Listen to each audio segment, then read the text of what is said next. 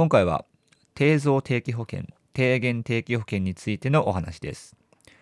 実際にどういった内容でどういった人に対象なのかをざっくりと説明をしていきます。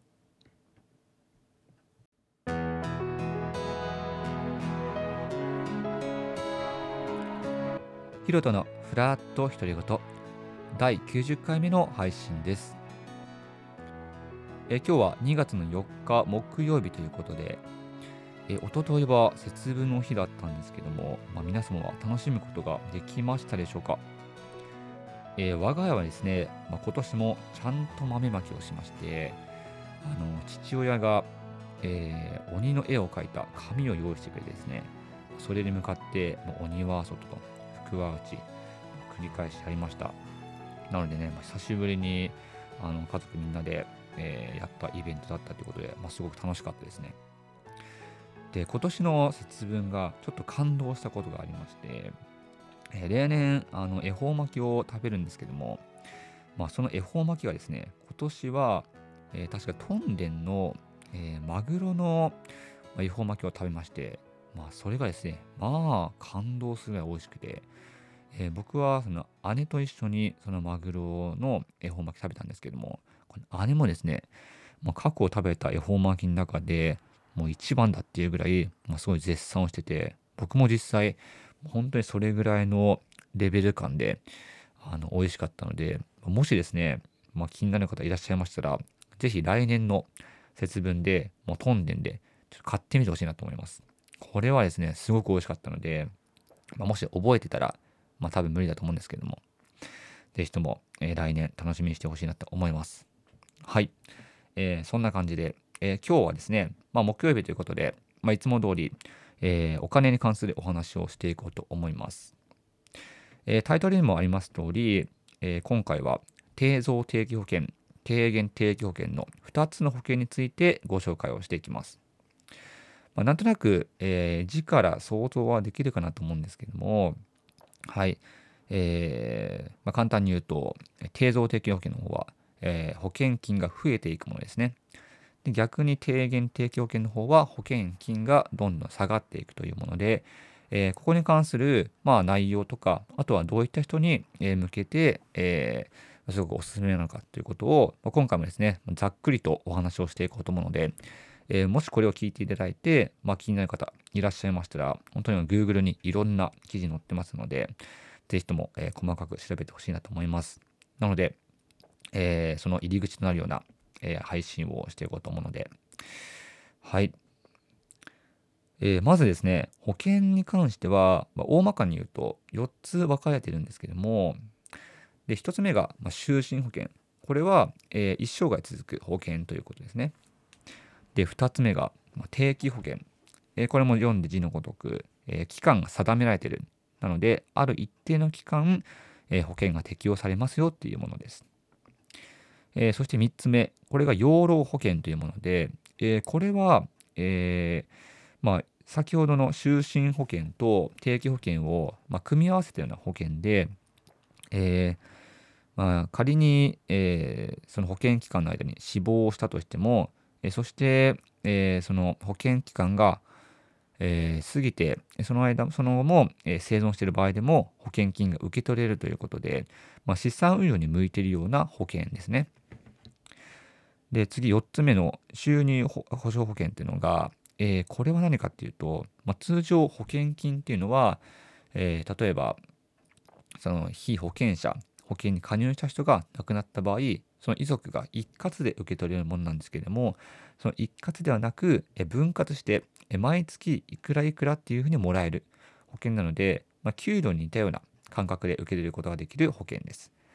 って言ったように、大まかに言うと、えこの4つに大別されるんですけども、え今回は、え先ほど2つ目に言った定期保険の、え1つですね。まあ、派生商品みたいなイメージで捉えてもらえば分かりやすいかなと思います。はい。えー、まず、まあ、定期、えー、定増定期保険とは、えー、どういったものかっていうと、えさっきもちょろっと言ったように、え経過年数に従って保証が厚くなっていく保険っていうことなので、え一般的なですね、対象としては、あの個人ではなく例えば会社を経営している方もしくは、えー、家族を持たれている、まあ、個人事業主とか、そういった方に向けての保険となります。じゃあそれなぜなのかというと、えー、本当にちょっと考えればわかると思うんですけども、まあ、経営者の方は、えー、例えば、まあ、始めたてよりも、えー、どんどん事業が大きくなっていくと、まあ、その分、まあ、従業員も増えていきますし、えー、非常には責任が重くなりますと。でその途中で、えー、例えばもう倒れて死亡した場合には、まあ、残された、えーまあ、従業員とか、えー、家族の方が非常に路頭に迷ってしまいますので、えー、それに路頭に迷わないためにも、えー、保証を厚くすることができる。えー、つまり、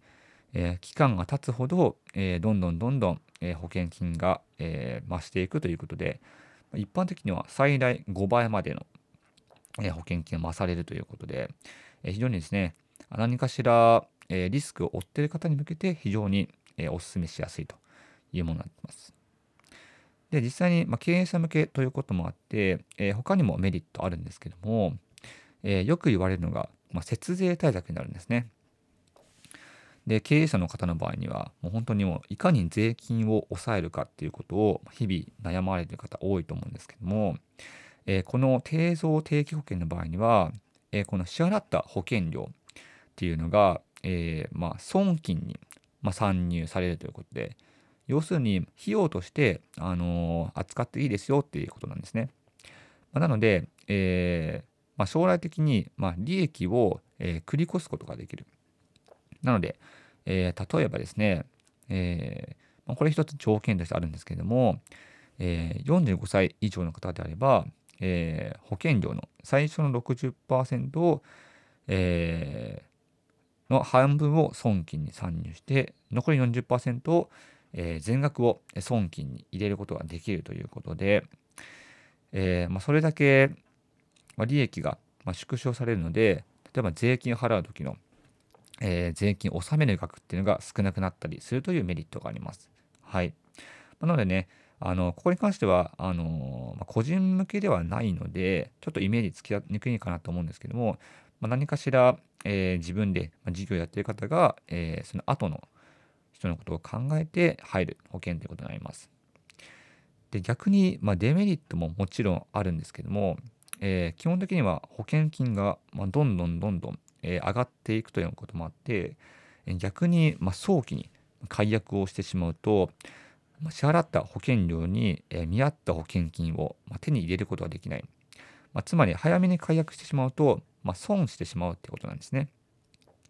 まあ、なので、えーまあ、ちゃんと入ったからには、えー、継続して、えー、保険期間をある程度、まあ、10年とか20年とかのスパンで入っていただいて保証をもらうっていうのが、基本的な、えー、スタンスになります。えー、あとはですね、あの解約をすると、えー、それが、えー、収入として扱われるので、えー、そうすると、まあ、ちゃんと、まあ、税金が取られるんですね。えー、まあ、基本的には保険料を払っている間は、えー、それが、ま損金として扱われるので、えまそれは全くあの税金には関わりないんですけども、それがひとたび、ま収入として扱われてしまうと、まあ、きっちりと税金が取られてしまうので、例えば解約をしたタイミングで、えー、従業員の、えー、退職金を用意するとか、そういった何かしらの処置を取らないと、えー、この効果っていうのは全く意味がないものになってしまうので、まあ、そういった、えー、まあ、懸念する点はありますということになってます。はい。なのでね、まあ、基本的には、えー、ま経営者向けで、ある程度、なんか事業を回すための、ま資金として扱うっていう意味での、えー、定常提供になります。はい。まここはちょっとね、イメージつきにくいかなと思うので、まさらっとお話をしたんですけども、えー、逆にですね、次の低減定期保険の場合には、えー、基本的には個人の方向けの保険になりますので、えー、すごくイメージつきやすいかなと思います。はい。まあ、ここも、え簡単にもう一度言うと、え低減定期保険ということで、まあ、保険金が次第に下がっていきますということなので、あの年月が過ぎるにつれてもらえる保険金の額が減ってしまうってことなんですね。まあ、ここだけ聞い取ると、あれあんまりいい保険じゃないのかなって思われる方もいらっしゃるかなと思うんですけども、えー、じゃあこれどういった方が対象かというと、えー、例えば、えー、最近小さなお子さんが、できた方とか、え今まだ、え幼少で本当にもう、まあ、歩くことすらままならないような、え本当に赤ちゃんを持たれている方もしくは、え例えばですねあの夫婦で、旦那さんが働かれていて、えその奥さんの方は、えちょっと専業主婦という方、えつまり、え片っぽの、まあえー、収入が途絶えると、えー、もう片っぽに非常に大きな影響を及ぼしてしまう場合ですね。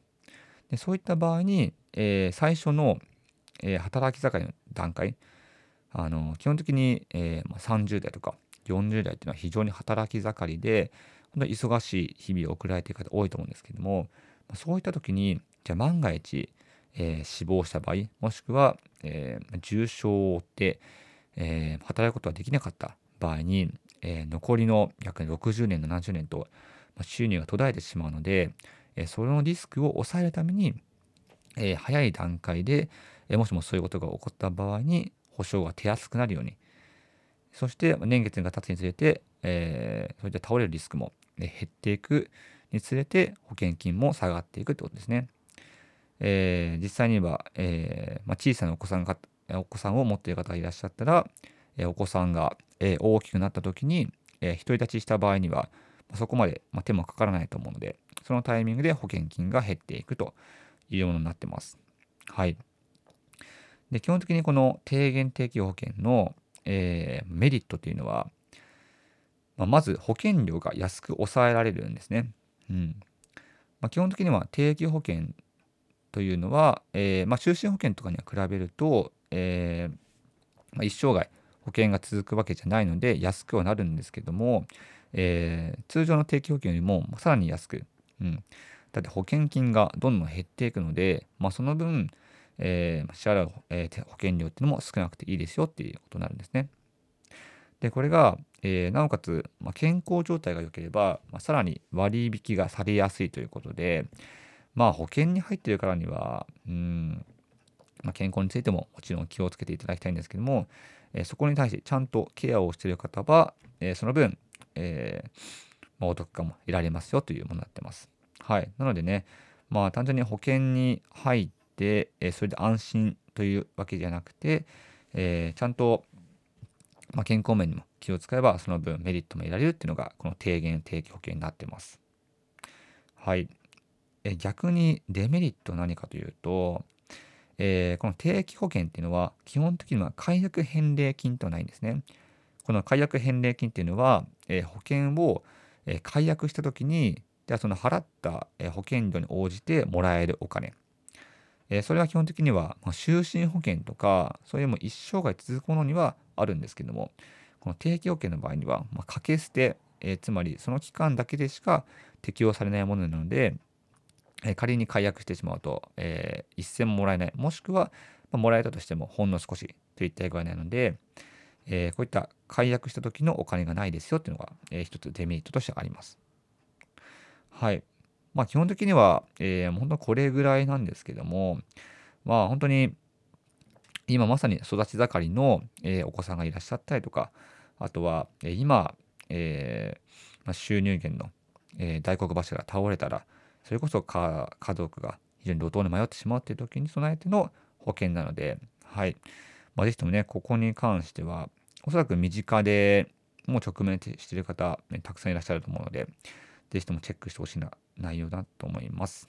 はい。え、そんな感じで、えー、今日は定増定期保険、低減定期保険の2種類の保険についてお話をしました。えーまあ、字自体はすごく似ているので、えー、なんとなく、まあ、どっちも、まあ、個人向けなのかなって思いきや、まあ、実際中身見ると、まあ、全然対象が違ったりするので、えー、そこに関してね、まあ、少しでもなんか気づきが、ね、得られるような、まあ、きっかけになったら、まあ、すごくいいのかなって思います。はい。なのでね、今回聞いてみて、もしもっと、まあ、気になる方いらっしゃったら、先ほども言ったように、えーまあ、Google とか Yahoo とかいろんな検索ツールを使って、えこの2つのワード打っていただければ、えさらに詳しく載っていると思いますので、えそこでぜひともチェックして、え今後の資産形成に備えてほしいなと思います。はい、え今日はそんな感じで終わりますので、えー、また次回はですね、え土曜日、え今度は川こもについてのお話をしていくので、またこのお金の話とは打って変わって趣味に関するお話をしていきます。はい、えー、今日はこんな感じでおりますので、また次回も楽しみにしていてください。それでは、バイバイ。